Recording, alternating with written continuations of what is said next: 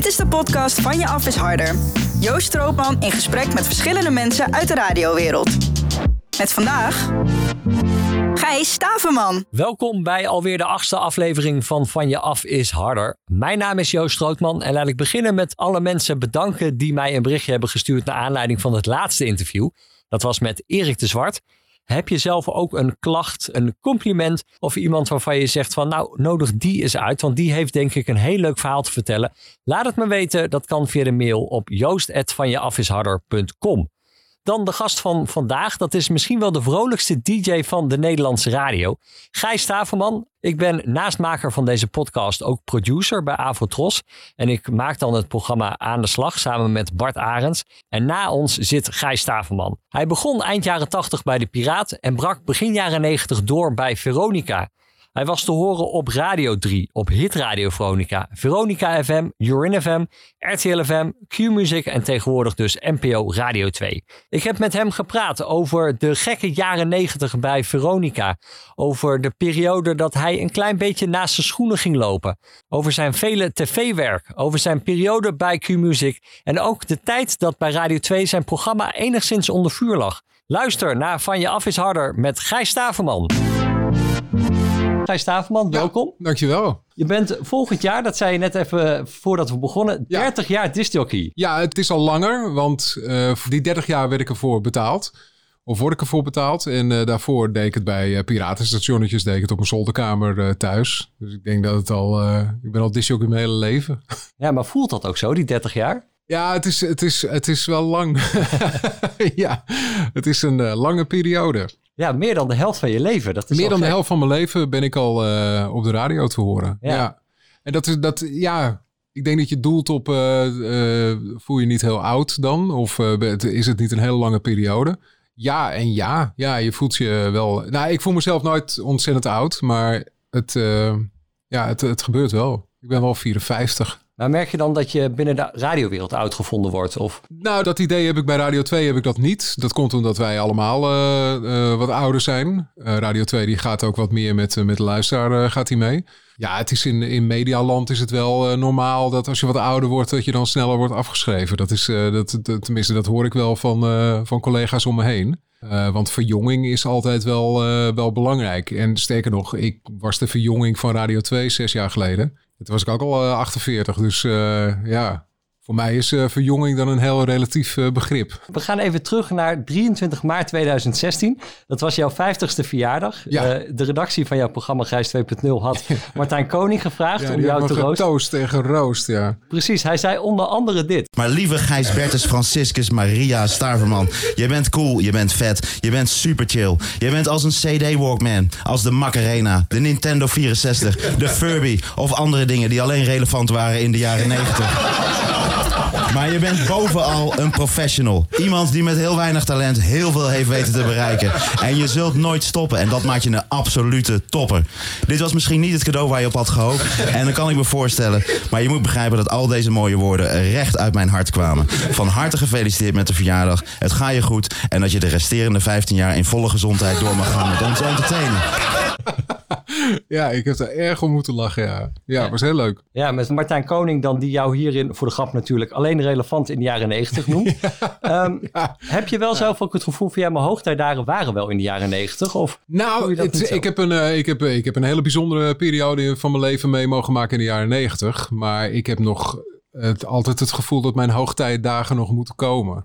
Ik zit nu bij Radio 2 en dat lijkt wel een soort tweede leg of zoiets die ik, uh, die ik heb. Want het, het programma is, uh, wordt heel goed beluisterd. Uh, we zijn het tweede programma. Jij, nou, jij werkt aan het nummer één programma van, van Nederland. wij zijn het, het tweede programma van Nederland, waar bijna 600.000 mensen naar luisteren. Wat echt ongelooflijk veel is per dag. Ja, dat zijn heel wat Amsterdam Arena's. Dat zijn heel wat Amsterdam Arena's. Dat zijn, uh, mijn vader die zou zeggen, je moet allemaal de kost geven. Dan, uh, dan, dan begrijp je hoeveel mensen het zijn. Dus uh, ja, ik, het, ik heb alle periodes van mijn leven de, ben ik... ben ik um, die, zijn, die zijn me heel dierbaar, dierbaar en daar ben ik ook heel dankbaar voor. Want ja, ik, ik doe altijd maar wat. Het gaat jou wel makkelijk af altijd, heb ik het idee. Hoe bedoel je dat? Je hebt een bepaalde vrolijkheid die je meeneemt en je gaat staan achter de microfoon en je gaat er gewoon een feestje van maken twee uur lang. Zo klinkt het in ieder ja, geval. Ja, maar dat, dat vind ik ook wel mijn taak. Ja. Ik vind mijn taak dat, eh, dat je om twee uur al denkt van... eh ah, nog een paar uur is mijn werkdag alweer voorbij. Hoe fijn is dat? Maar als jij nou echt een hele slechte dag hebt door iets, eh, vind je dat dan dat de luisteraar dat moet merken in de zin van je vertelt er wat over? Of denk je van, eh, nee, dan is het ook gewoon dan de positiviteit? Nou, en- er zijn natuurlijk eh, in mijn leven dingen gebeurd die, die, die echt invloed hadden op mijn humeur. Grote dingen zoals het overlijden van mijn moeder. Toen was ik een aantal maanden niet op de radio. Toen, eh, toen, ben ik net, eh, toen was ik net weggegaan bij Q. En toen begon ik pas eind van het jaar weer bij eh, de top eh, 2000 van Radio 2. En ik had vakantie geboekt een week of twee, drie. En toen ging mijn vader dood. En dus het lijkt wel alsof dat, alsof dat met een soort toeval bij elkaar komt. Dus dan hoef ik er even niets over te vertellen. Dan kan ik, dan kan ik even tijd voor mezelf nemen. Als dat zo gebeurt, dan ga ik niet expres de vrolijke jongen uithangen op de radio. Want zo, zo ben ik ook weer niet. Maar dan neem ik wel even, even vrij. ja. Ik vind als ik op de radio ben, ja, er gebeurt iets wat onverwachts is en waar je niets aan kan doen. Dat, eh, dat weet ik dan niet. Maar dan, dan zal ik het wel degelijk laten blijken natuurlijk. Het is niet ten koste van alles dat ik alleen maar vrolijk wil zijn. Ja, als, het, als, het, als er echt iets heftigs gebeurt, dan ben ik, eh, dan ben ik even weg. Op jouw dertiende begon je al bij de ziekenomroep. Wist je altijd al dat je bij de radio wilde? Ja, ja. Ik eh, vond, eh, nou nee, ik, ik zeg wel heel eh, stellig ja. Dat wist ik vanaf mijn dertiende, veertiende wel. Daarvoor wilde ik heel graag muzikant worden. En wat dan? ja, dat maakt niet uit als ik maar een muziekinstrument kon bespelen. Maar, ik heb, Maar kon je ik dat heb- ook, of? Nee, helemaal niet. Dus nee, ik had, nee, ik had geen talent daarvoor. Dus ik, ik kon... Ik heb een pianoles gehad, ik heb gitaarles gehad, ik heb zelf trompetles gehad en ik kon het allemaal niet. En eh, toen dacht ik van ja, maar ik vind toch wel, eh, blijkbaar heb ik een soort drang om muziek eh, te laten horen aan mensen. Of ik speel het zelf, of ik zoek het uit. En toen dacht ik ja, een discjockey die komt nog veel verder. of ja, die komt eigenlijk dichter bij de droom die ik heb. Want ik wil gewoon muziek laten horen aan mensen. Ik wil mensen in een bepaalde stemming brengen. En dat kan door verschillende platen op te zetten. En eh zodoende is dat, is dat geboren. Dus ik, ik was vrij jong. Ja. En ik vond discjockeys altijd hele stoere, toffe gasten. Die hadden, van- ja, ja, dat, ja, als je nu bij Radio 2 loopt, dan eh, zou je dat niet meteen zeggen. Maar, die hadden cowboylaarzen aan en die eh, waren cool. En eh, meisjes vonden discjockeys leuk. En ik heb in de kroeg gewerkt toen ik een jaar of 13, 14 was al. En toen, ja, meisjes die stonden vaak bij discjockeys. En dat was leuk. En die, Ja. je had meer contacten en zo. Barkeepers kwamen op de tweede plaats, discjockeys op de eerste plaats. Ja. Nou, kijk, heel goed. Ja. Baas boven baas. ja, Wie waren jouw voorbeelden vroeger? Waar luisterde je daar naar? Ik luisterde naar Ferry Maat. Ik luisterde naar Jeroen van Inkel. Ik luisterde naar eh discjockeys die vroeger bij, eh, bij de Piraten zaten, bij, bij Decibel. Nou, van Inkel, die, eh, dat, dat was toen hij bij Decibel zat. Toen ik hem hoorde daar, toen vond ik hem echt heel vrij en cool en vrijdenkend. En dat, dat vond ik echt te gek. En toen ben ik heel snel ook al discjockeys gaan volgen in Amerika. Eh, Scott Shannon, dat was een wat oudere, oudere discjockey, maar ook eh, Domino. Ik denk dat dat Kid Kelly, dat, dat, dat, waren, dat waren helden voor mij. Kid je Kelly zat heel hoog in zijn stem. Hi, this one was Kid Kelly C100. En Domino, die, was, die, die zat iets lager, maar die, was ook, die had een ongelofelijke snelheid.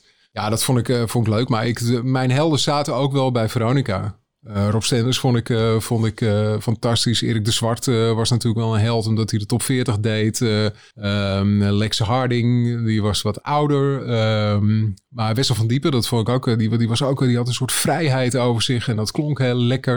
En ik vind het altijd lekker als een disjockey goed klinkt. En dat, dat klinkt alsof je met een mes door een pakje boter heen gaat. Dat helemaal vers is en, en, en smooth en, en lekker. Maar ging je dan ook speciaal naar Amerika toe om die discjockeys te horen? Ja, sterker nog, ik ben eh, in Amerika ook geweest en ik heb eh, in, bij een, eh, zo'n elektronica winkel cassettedecks, een stuk of drie heb ik er toen gekocht. En ik heb de hele dag alleen maar op mijn hotelkamer, heb ik allemaal radiostations op zitten nemen. Van C100 tot Hot 97 tot WPLJ tot nou, echt alle grote radiostations die je maar kon vinden. En die heb ik daar opgenomen. Ik heb echt nog dozen met cassettes heb ik nog, heb ik nog thuis staan. Ja. Maar deed je dat ook echt na of was het meer inspiratie? Nee, ik deed het niet na. Ik ben nooit een naaper geweest. Ik heb altijd wel gevoeld dat je iets eigens moet hebben. En als je iets eigens hebt, dan is er plek voor je. Maar het, het, het was wel een, een, een, hele fijne inspiratiebron. Al is het alleen maar om te luisteren van hoe ze telefoongesprekken opnamen. Dat wist ik ook niet, maar dat namen ze allemaal op. En dat knipten ze dan eh, perfect op lengte. En dat konden ze dan ook perfect ook in een intro van een plaat doen. Ja, ik vond dat, ik vond dat heerlijk. Voor mij was dat eh, soort magie. Er ging echt de wereld voor je open. Ja, er ging echt een wereld voor me open. Ja. En toen ben ik er ook geweest. Ik ben bij PLJ geweest in Amerika. Ik heb Scott Shannon ontmoet. Ik heb nog een t-shirt van hem. eh, waar hij zijn handtekening op gezet heeft. Ik eh, ben bij C100 geweest. Die zaten toen niet in New York meer, maar in eh, New Jersey. Ik ben altijd wel op bezoek geweest bij radiostations, maar ook in het buitenland. Ik heb voor televisie ook best wel veel reisprogramma's gedaan. En ik ging altijd wel een beetje op zoek naar een radiostation in de buurt. In Thailand ben ik geweest. In, in, uh, waar zijn we nog meer geweest? In uh, Suriname bij een radiostation. In Nepal nog een uh, radiostation bezocht. Dat vind ik leuk. Sommige mensen doen dat met kerken. Andere mensen doen dat met bedevaartsoren. Ik doe het met radiostations. Ja, jij hebt bij meerdere piratenzenders gezeten. Waaronder ja. Counterport FM in Klopt. Amsterdam. Je had daar de naam Peter van de Vlucht. Ja. Heb ik ook wat vormgeving van. Amsterdam, Counterpoint FM. Wat is het leven fijn als van de vlucht schijnt. En we gaan met z'n allen naar het strand, lekker vroeten in het zand. Oh, wat is het leven fijn als van de vlucht schijnt. Ja, dat ben ik. Ja, waarom Peter van de Vlucht? Nou, dat was in de tijd van de piratenstations. Dan was het niet verstandig om je eigen naam uh, te gebruiken. Want uh, ja, dan konden ze je makkelijker uh, vinden natuurlijk. Dan konden ze je makkelijker opsporen. Ik heb geen flauw idee waarom ik Peter van de Vlucht bedacht heb. Als ik het nu bedenk, dat wat een ontzettend suffe naam. ja, dat vinden mensen van Gijs misschien ook wel. En toen ging ik, toen ging ik solliciteren bij Radio 10. En toen zei Ferry Maat, volgens mij, die was programmaleider. Hij zei, waarom... Toen noemde ik mezelf Gijs van de Vlucht. Uh, want ik denk, ja, ik heb natuurlijk wel een, uh, echt een artiestennaam opgebouwd met uh, Peter van der Vlucht. En straks gaan alle mensen dat vergeten. Die zei, daar heb ik nog nooit van gehoord. Maar waarom noem je gewoon niet Gijs Staverman? Ja. Zei, ja, dat kan natuurlijk niet. En toen, toen heb ik daar wel, ja, ja, er is maar één Gijs Staverman natuurlijk. Dus ja. toen heb ik dat maar toch gedaan. Maar je hebt gesolliciteerd bij Radio 10, maar daar ben je niet ja. aangenomen, toch? Ik ben, nou, ik had gesolliciteerd bij Radio 10 en eigenlijk bij het jongere platform van Radio 10. Power, Power FM. Daar wilde, ik, uh, daar wilde ik heel graag naartoe. Maar toen had ik ook al gesolliciteerd bij Veronica. Uh, opeens was er, je hebt dat wel eens zo'n periode, dat iedereen je dan opeens wil hebben. En ik wist niet wat me overkwam. Ja, Veronica die belde. En ja, dat, is, was natuurlijk maar één, één station waar ik echt dolgraag naartoe wilde. Dat was Veronica. Dus uh, ja, toen ben ik daar naartoe gegaan. Ja, want dat ja. beleefde Veronica beleefde eind jaren 80, begin jaren 90 echt een hoogtepunt. Ja. A-omroep, dus de, de, de hoogste categorie qua publieke omroepen. Ja. Super veel leden, super populaire discjockeys. Daar wilde je bij horen. Ja, klopt. Hoeveel bandjes heb je daar naartoe gestuurd?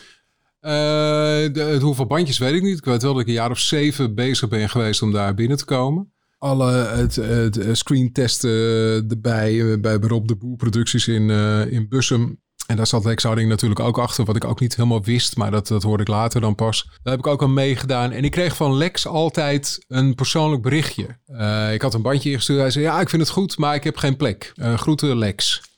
Denk, ja, het, het, gaat hij nou iedereen... Want er zijn heel veel mensen die waarschijnlijk een bandje sturen. Hij gaat niet voor iedereen zo'n briefje schrijven. En toen op een gegeven moment, toen kreeg ik van Hans van der Veen... dat was zijn rechterhand, kreeg ik een briefje van... nou, we hebben weer uh, uh, vol enthousiasme naar je demo geluisterd... maar we kunnen er nog even niks mee... maar wat in het vat zit, puntje, puntje, puntje. En toen dacht ik van, nou, dit is nog een kwestie van tijd. Dat kan niet anders. Dat heeft nog twee jaar geduurd of zo. Maar op een gegeven moment denken samen als, als er iets vrijkomt.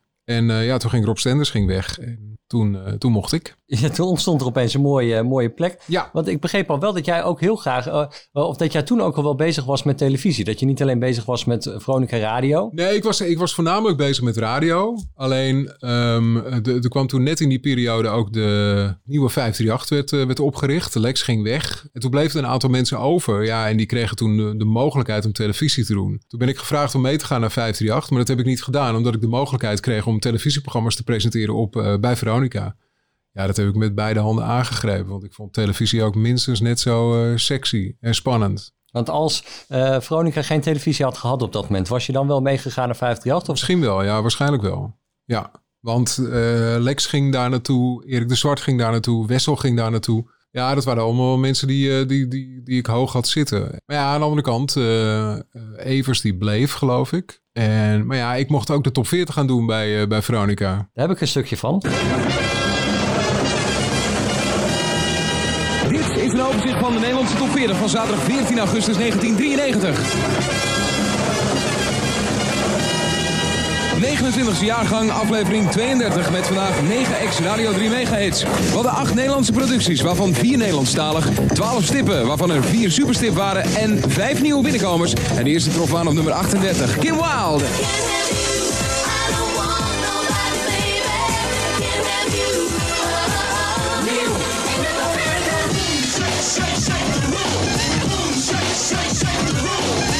Check, check, check the room van DJ Jesse Jeff en de Fresh Prince. Ze kwamen voor de eerste keer binnen op nummer 35. Ja, Mooi hè? wat een, wat een snelheid hè? Wat een hoge stem ook gewoon. Ja, het klonk nog ietsjes anders, Het iets klonk, hoger ja, het klonk iets hoger. Het klonk iets, eh, iets jonger klonk het.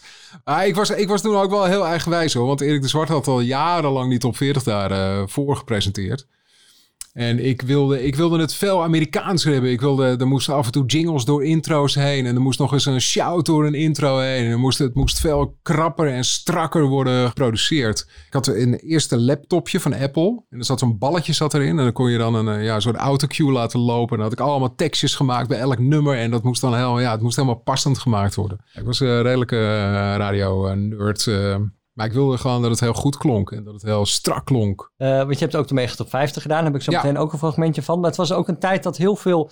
eh er was echt zo'n hitparadeoorlog. Er was steeds Ja. heel veel gedoe over. Want Ja. eh, de top 40, de 538 wilde heel graag de top 40 doen. Maar die, dat mocht nog niet. Dus het zat nog een tijdje bij Veronica. Dat was die Mhm. tijd dat, je, dat jij het hebt gedaan. Ja, het was gewoon een kwestie van geld natuurlijk allemaal. Het was allemaal een kwestie van geld.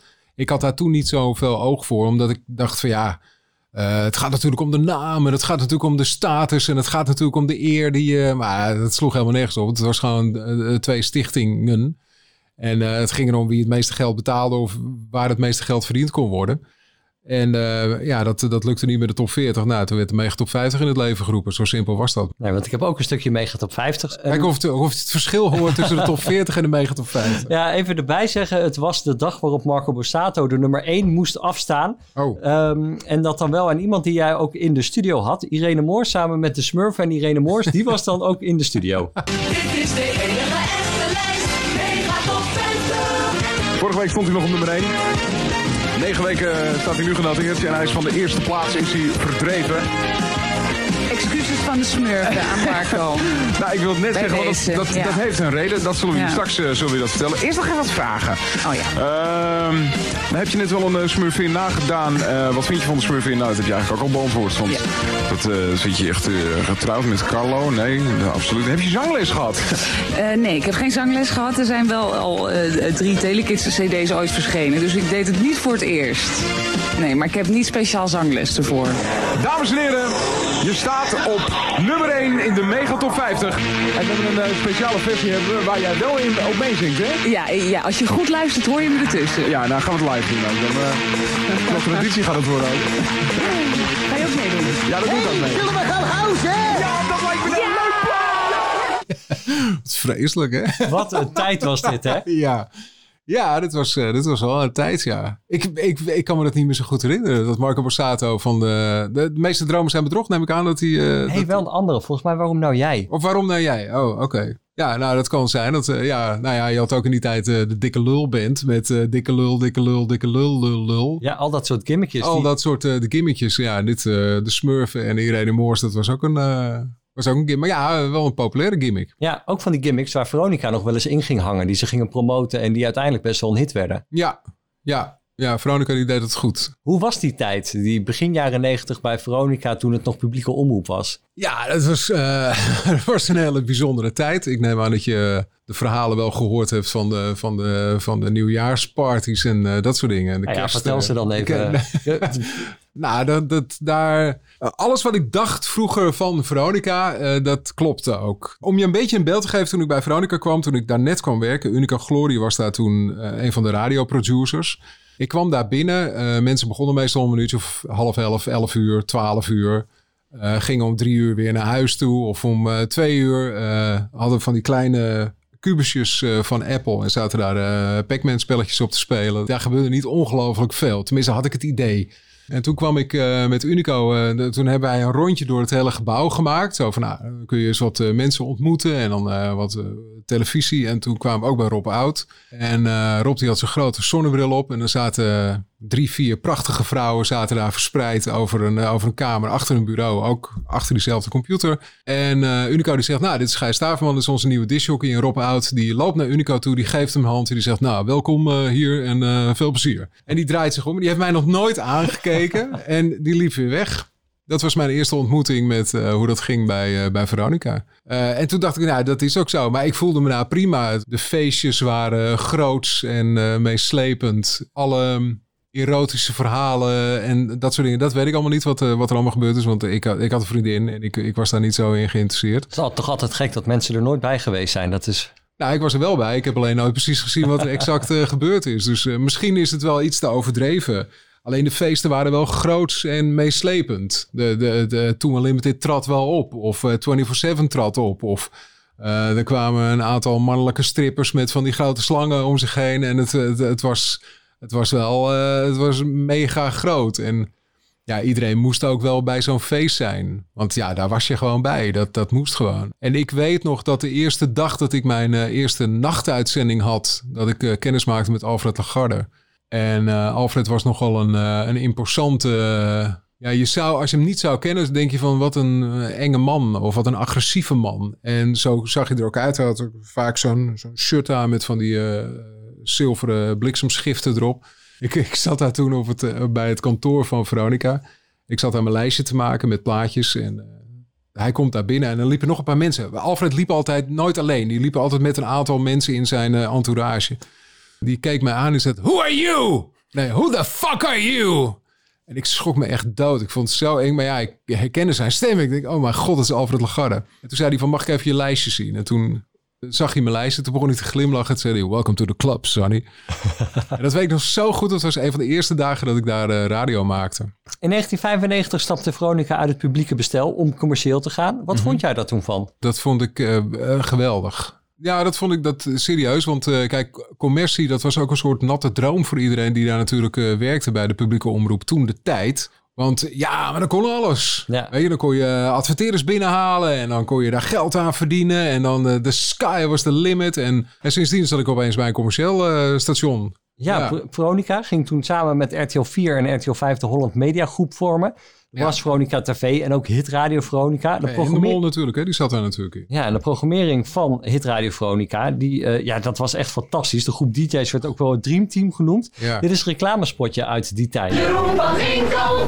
Iedere werkdag om 6 uur kruipt Jeroen van Inkel fris en uitgeslapen, tenminste dat hopen we, achter de microfoon. Diergaarden. Om 9 uur de grootste hits van dit moment en van het verleden met Edwin Goud van Oud Diergaarde. Gijs Staverman. Nou, en eh, tussen 12 en 3 dan ben ik aan de beurt. Je merkt dat iedereen is hartstikke enthousiast. De mensen die hier zitten vinden het hartstikke leuk. Ik hoop ook dat de mensen die aan de radio zitten het leuk vinden. Eh, hoe het programma gaat heten vertel ik je binnenkort. We zijn in ieder geval heel druk bezig met een waanzinnig spel. En dan gaan we de adverteerder en de luisteraar actief in betrekken. Heel erg gaaf.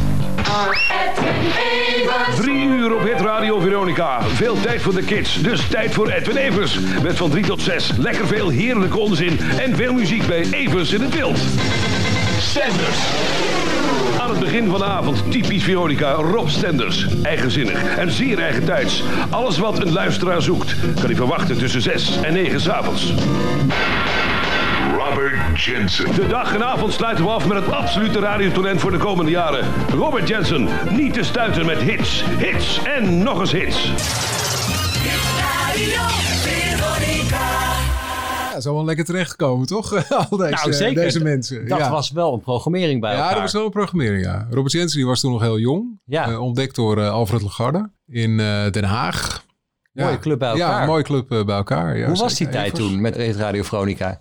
Ja, met, nou, als ik denk aan die tijd, ik weet niet exact meer hoe het ging, maar ik denk altijd wel, wij waren altijd, we, we liepen elkaars deur niet plat thuis of zo, maar we hadden altijd wel een soort vriendengroep eh, idee. Dat vond ik altijd het leuke aan, aan Veronica, dat hoorde ik er ook altijd aan af.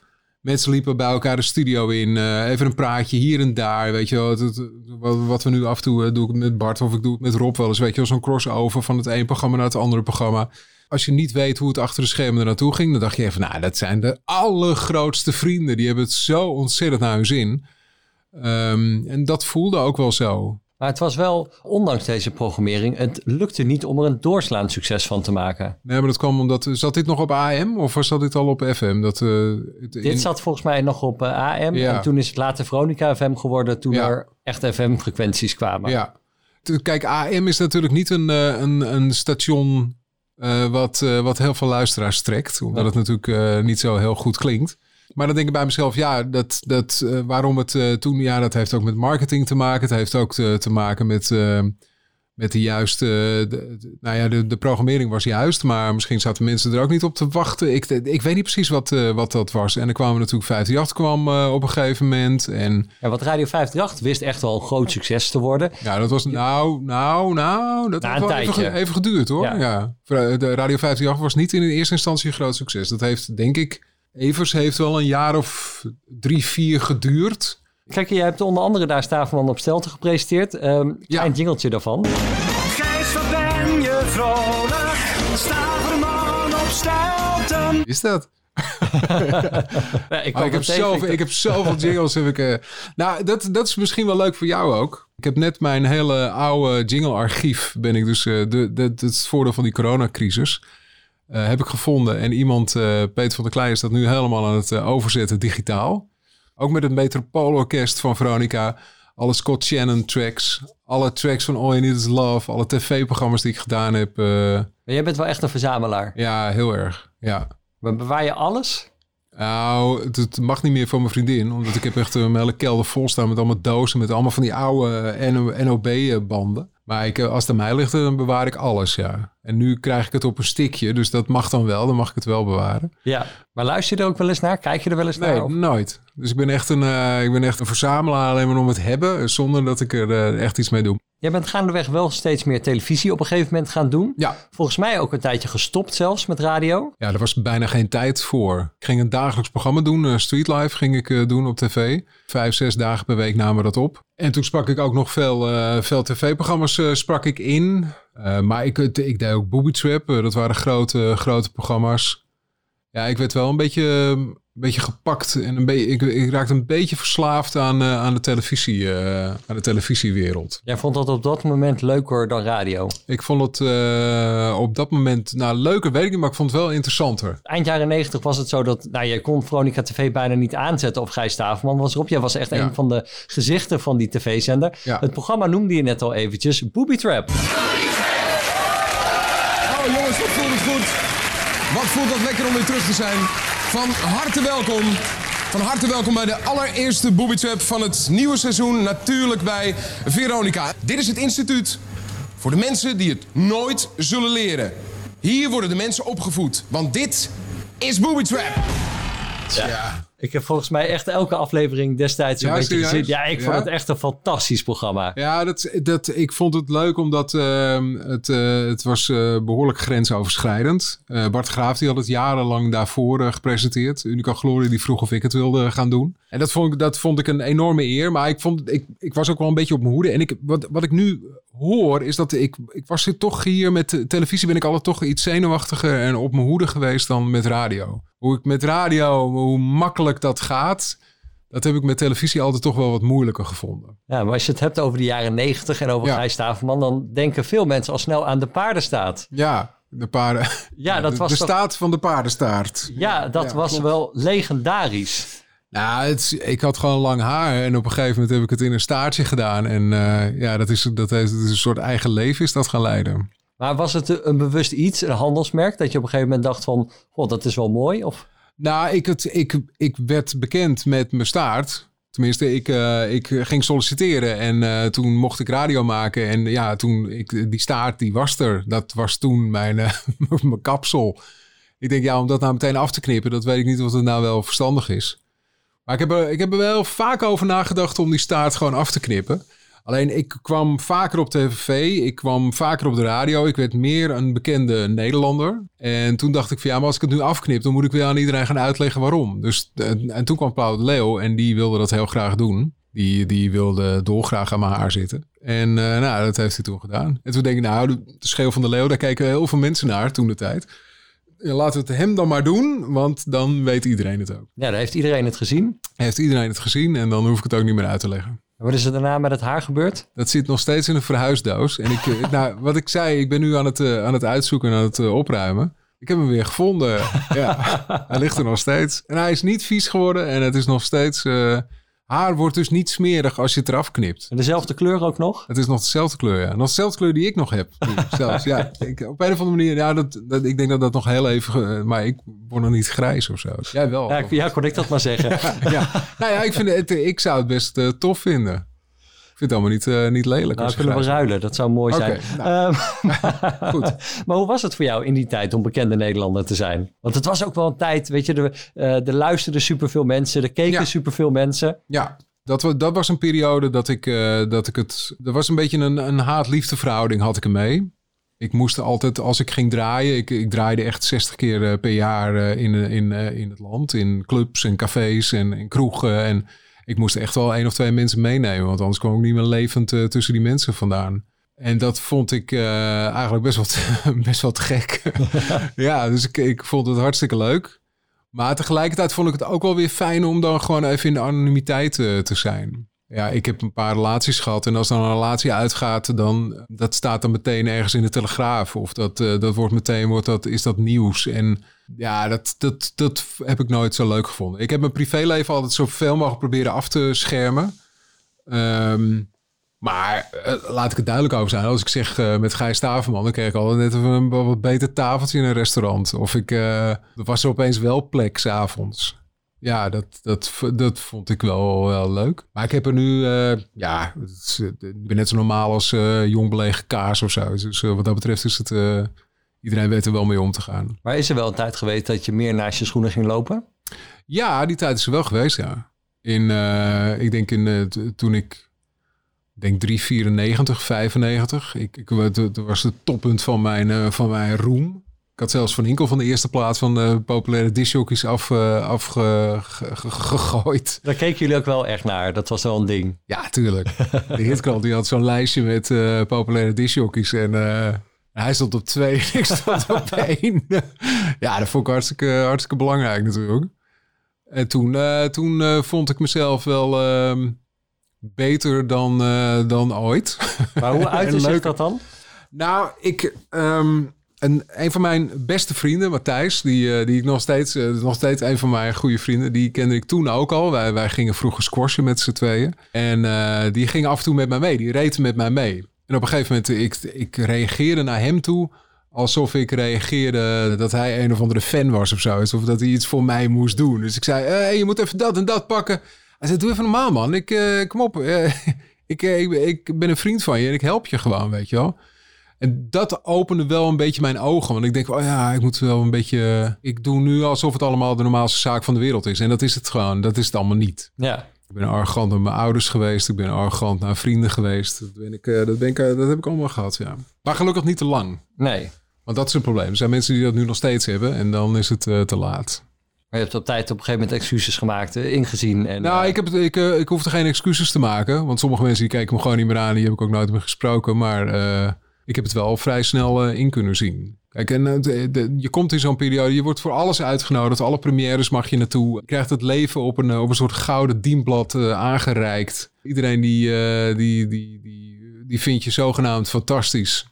Tenminste, de buitenkant dit vind je fantastisch. En ja, dan, dan denk je dat je dat ook bent. Of, Ja. ja. De eerste helft van de jaren 2000 heb jij eh, bij RTL nog heel veel eh, gedaan. Eh, Mhm. Je hebt op Urn FM gezeten. Je hebt op RTL FM gezeten. Voor mijn gevoel koos jij in 2006 echt weer voor de radio toen jij naar Q ging. Ja, dat was, dat was ook wel noodgedwongen. Omdat bij RTL merkte ik dat ze, dat ze niet erg stonden te springen om mij nog programma's te laten doen op tv. Ze wisten ook niet zo goed wat dan. Dus ik heb besloten om. Ik had toen nog een contract. En eh, dat heb ik besloten om dat eh, eh, te beëindigen. Ja, als ik dat niet gedaan had, dan hadden zij het gedaan. Dus ik denk, nou, daar ben ik ze net even voor. Op het moment dat ik die beslissing had genomen om dat contract te beëindigen, toen belde Q Music. Echt precies op het juiste moment. Het, echt alsof, alsof het zo bedacht was. Ja, want dat was echt de begintijd van Q. Ja, klopt. Ja, daarvoor staat ze al met Menno en Jeroen. En eh, de- de- waren ze eigenlijk al aan het spelen in Nederland. Maar er moesten nog wel wat stappen gezet worden. Hoe kijk jij nu naar Q? Eh, nou, eigenlijk hetzelfde zoals ik, eh, zoals ik toen naar Q keek. Want jij zegt dat, eh, dat zei je net aan het begin. eh hij staat van de meest eh, vrolijke en optimistische disjockey. Maar dat heb ik bij Q eh, heb ik dat sowieso ook. Ik denk dat iedereen daar op slippertjes loopt. En eh, het is de hele dag eh, 32 graden daar.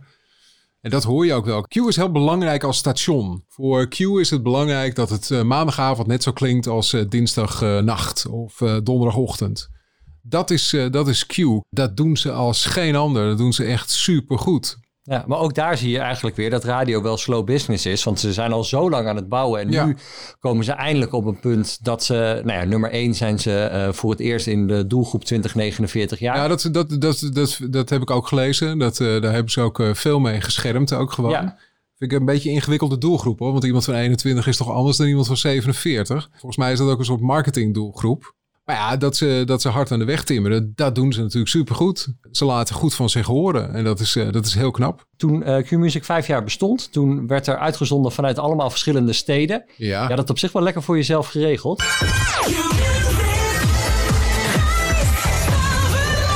Ja, na veel omzwervingen is het dan toch gelukt. We hebben het met de taxi ook daadwerkelijk kunnen vinden. We zijn hier in de studio van Com Radio en dit is Q Music.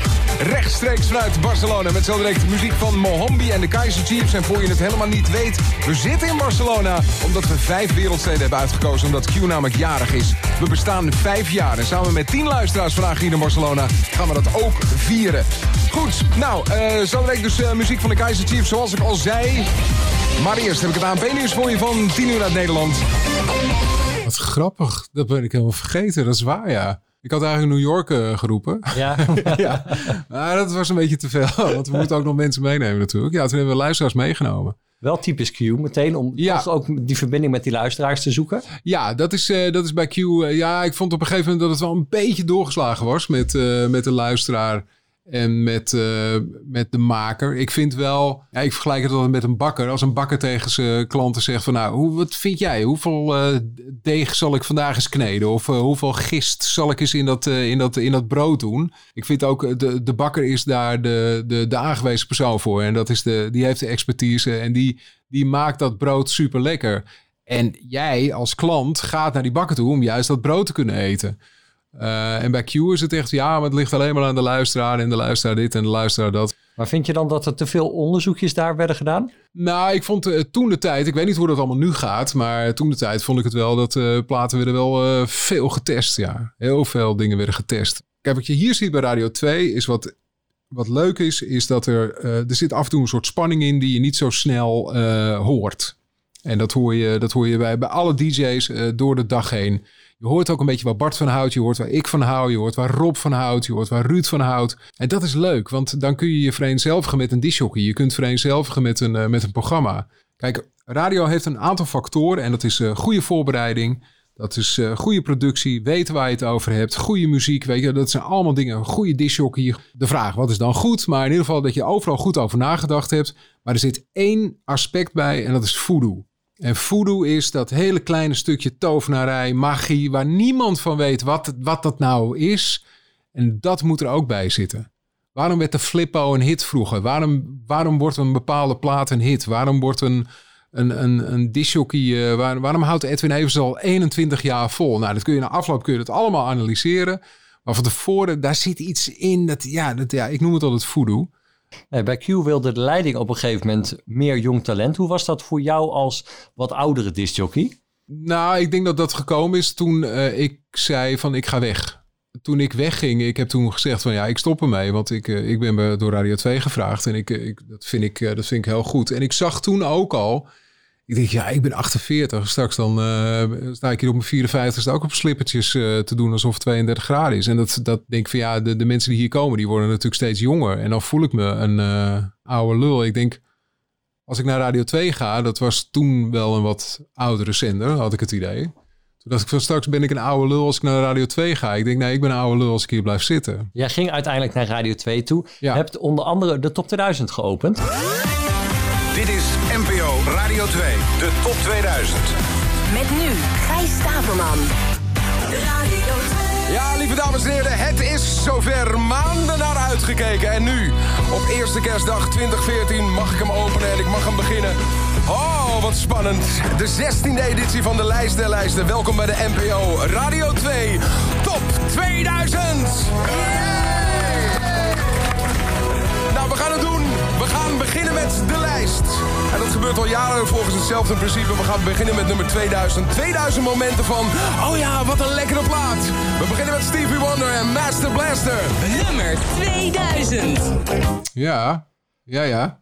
Hoe was dat toen? Want jij, eh, Radio 2 was op dat moment echt nog wel een andere zender. Een Ja, wat suffere zender mag Een ik toch wel zeggen. ingedutte, ingedutte eh, oude lullenzender was het toen. Ja. Ja. En jij was eigenlijk de eerste grote naam die naar Radio 2 werd gehaald... Ja. om dat imago toch te wat gaan veranderen.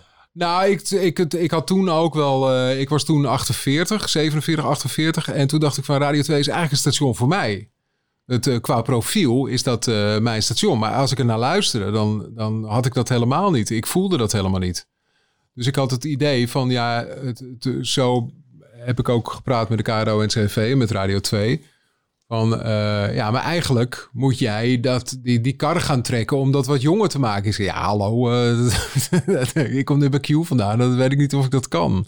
Maar ik vond het wel een hele spannende uitdaging. Ik vond het ook een hele spannende missie. Om te kijken of daar, eh, of daar iets te doen was. Ja, gelukkig is het, is het goed gegaan. En niet door mij alleen, maar door, door alle mensen die ook bij Radio 2 betrokken zijn geweest. Ja, het, het, het, het voelde... Kijk, die Top 2000 is een instituut voor iedereen. Of je nou jong of oud bent, dat maakt niet uit. Ik luisterde de Top 2000, luisterde ik daarvoor ook al. Het, eh, wel veel oude muziek eh, stond erin. Ehm, maar ik vond tussen kerst en oud en nieuw is dat natuurlijk de perfecte eh, timing om die lijst uit te zenden. Ja, die mocht ik toen openen. Kees Toering die zegt van wil je hem openen, wil je hem afsluiten? Ik zei ja, dat wil ik wel. Maar jij moest ook nog eens Frits Spits opvolgen tussen 12 en 2 's middags. Echt een instituut op Radio 2, zeer Ja. geliefd onder een groot gedeelte van de luisteraars. Toen, hoe was dat? Nou, ik heb mijn Twitter twee weken niet gelezen. Want eh, mensen van die leeftijd hadden ook Twitter. En die, eh, Maar de sms-box die we toen nog hadden? ja, die, die heb ik ook volgens mij niet gelezen. Nee, dat, ik, dat, dat, dat hoefde ik niet. Maar ik had wel het idee... Nou, ik heb nooit het idee gehad om Frits op te volgen. Ik, had het, eh, ik, ik mocht zijn tijd invullen. Dus ik mocht de tijd opvullen waar Frits vroeger gezeten had. Dat is iets anders dan iets opvolgen. Maar ik voelde me wel... eh, ja, ik, ik moest wel op een grote schoen eh, moest ik even vullen. Ja. Ja, maar het was ook meteen wel een 180 graden ander programma dan Tijd voor Twee. Wat ja, maar dat was, eh, dat was expres. Dat Ja. moest. Alles wat er ook maar enigszins op leek, dat zou afdoen aan zijn programma. Dat zou afdoen aan mijn programma. Dus dat kon niet. Ik heb gezegd tegen de KRO en CV, ik wil het wel doen, maar ik wil het mijn naam eh, en de- alles, alles moet nieuw. Er moeten nieuwe redactieleden, er moeten nieuwe mensen. Want dat was voor het eerst dat ik met een redactie een radioprogramma mocht maken. Dat vond ik echt te gek. Maar het moest allemaal anders. Je hebt verschillende spelletjes gespeeld in je programma, waaronder ook een tijdje ik niet.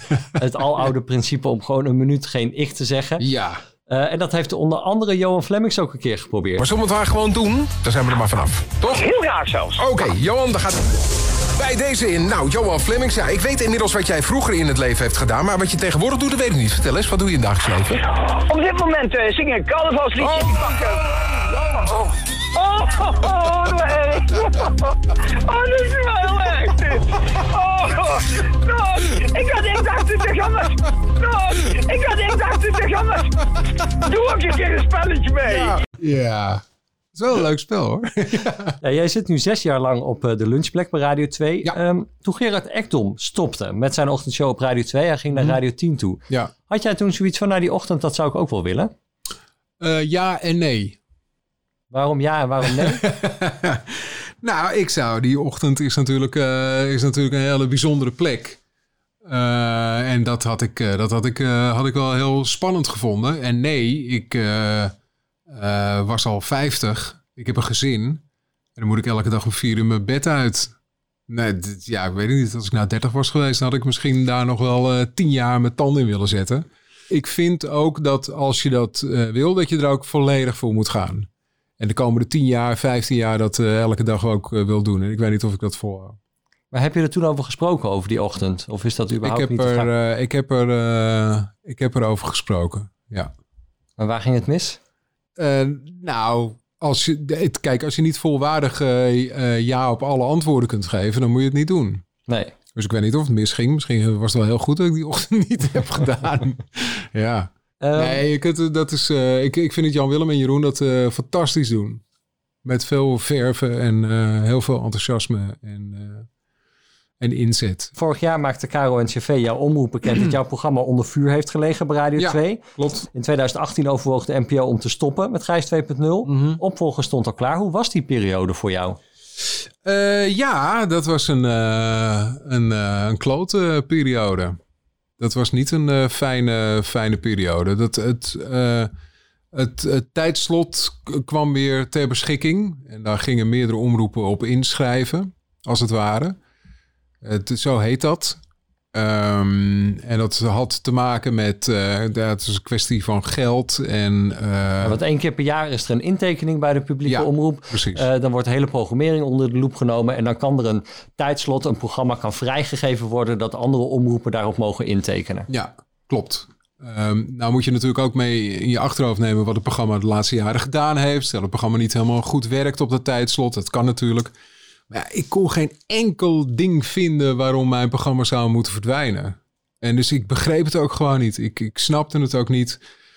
Ik had ook geen idee ehm, waarom dat zou moeten. Ehm, ik was daar helemaal niet blij mee. En ik was daar helemaal niet gelukkig mee. Toen dacht ik ook van ja, ja, als dat zo moet zijn, dan moet het maar zo zijn. Maar ik, ik, ik ga niet zomaar mijn tijdslot afgeven. Ik ga het er zo niet zomaar afstaan. Wat heb je toen gedaan? Eh, gebeden en eh, gehoopt eh, dat het, dat het goed zou komen. En ik had op een of andere manier het, idee dat het ook goed kwam. Zelfs op het moment dat zelfs mijn directeur, Dave Kent, die mij belde. En die zei van, nou, dit, ik heb nu een heel lang gesprek gehad met de NPO. Maar het, het zit er gewoon niet in. Het gaat gewoon niet gebeuren. En toen dacht ik nog van, nee, maar ik heb toch wel het gevoel dat het wel goed komt. En toen kwam het toch goed. En waarom dat nou precies dat omslagpunt is geweest en waarom het goed is gekomen, ik heb geen flauw idee. Maar ehm, ik was er heel blij mee en ik was er heel gelukkig mee, omdat ik nog niet klaar ben met eh Gijs 2.0.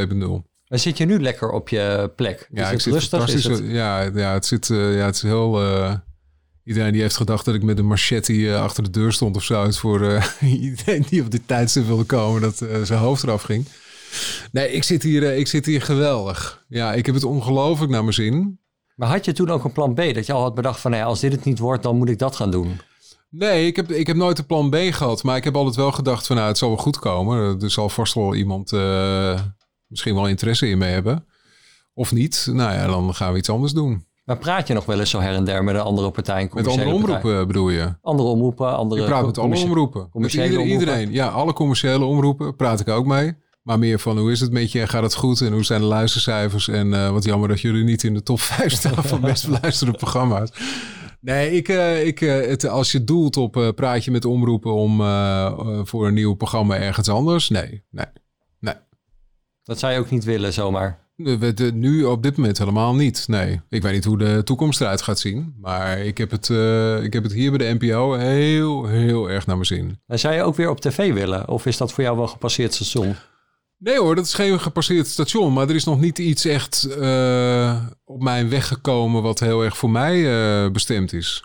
Maar is er een bepaalde ambitie die je hebt dat je zegt van nou, ik zou eens een talkshow willen doen, of ik zou een reisprogramma willen doen? Nou, ik heb, ik heb een programma bedacht over pleegkinderen. Eh, ik heb zelf twee pleegkinderen samen met mijn vriendin. Ik, ik vond dat pleegkinderen en ook jeugdzorg best wel veel in eh, negatieve publiciteit staat en stond. En ik vind dat er ook in succesvolle eh, eh, mensen eh, af en toe ook wel eens een pleegkind eh, schuil gaat. En dat hoor je nooit. Dus nooit is een, een, een directeur van een groot bedrijf die het heel goed doet. Zegt, nou, hij is opgegroeid in een pleeggezin. Dat hoor je wel vaak als iemand een, een crimineel verleden heeft. Of iemand die is in aanraking gekomen met de politie. Nou, dan denk ik, ik zou het ook wel eens leuk vinden om, om die mensen in het licht... of ja, gewoon eens in het licht te zetten die, die het heel goed doen. En eh, die ook een adoptieverleden hebben of een pleeggezin verleden. Maar die het heel goed doen en die heel goed terecht zijn gekomen in de samenleving. En dat zou ik heel leuk vinden om, eh, om te maken. Ehm, ik zou het heel leuk vinden om een eh, tv-programma te presenteren. Maar het mag nooit ten koste gaan van wat ik doe op de radio. Nee, wat eind jaren 90, begin jaren 2000 wel anders was. Ja, en toen, toen, was ik, toen was ik zo, werd ik zo opgeslokt door televisie. Maar ik was bijna zeven dagen per week aan het werk. Ja, dat is ook en niet ik, goed. eh, En dat, dat, nee, en ik heb nu een gezin en ik ben daar nu mee bezig. Ik, eh, nee. Maar wil jij tot je pensioen op de radio? Of zeg je van nou, ik zou ook nog wel eens wat anders willen? Ja, ik, ehm, dat, dat is een hele goede vraag. Omdat ik, ik weet niet zo goed wat ik anders zou kunnen. Ik zou het leuk vinden om ehm, mensen te helpen met, eh, met hun radio ambitie waar te maken. Misschien kan ik ze coachen of zoiets. Maar ja, ik vind het nog zo leuk om te doen. Nou ja, mooi dat je zo lekker zit in ieder geval. Ja, Dank ja. je wel ook voor dit gesprek. Ja, Tot je dienst. Heb je alles eh, wat je wil? Of, eh, Ik heb alles wat ik wil. heb ik vurige uitspraken gedaan eh, die, eh, die nog eens uh, gequote worden of niet? Ja, dat denk ik wel. Dat moet goed komen. Dit was de podcast van Je Af is Harder. Meer weten? Volg Ed Joost Strootman op social media of check vanjeafisharder.com.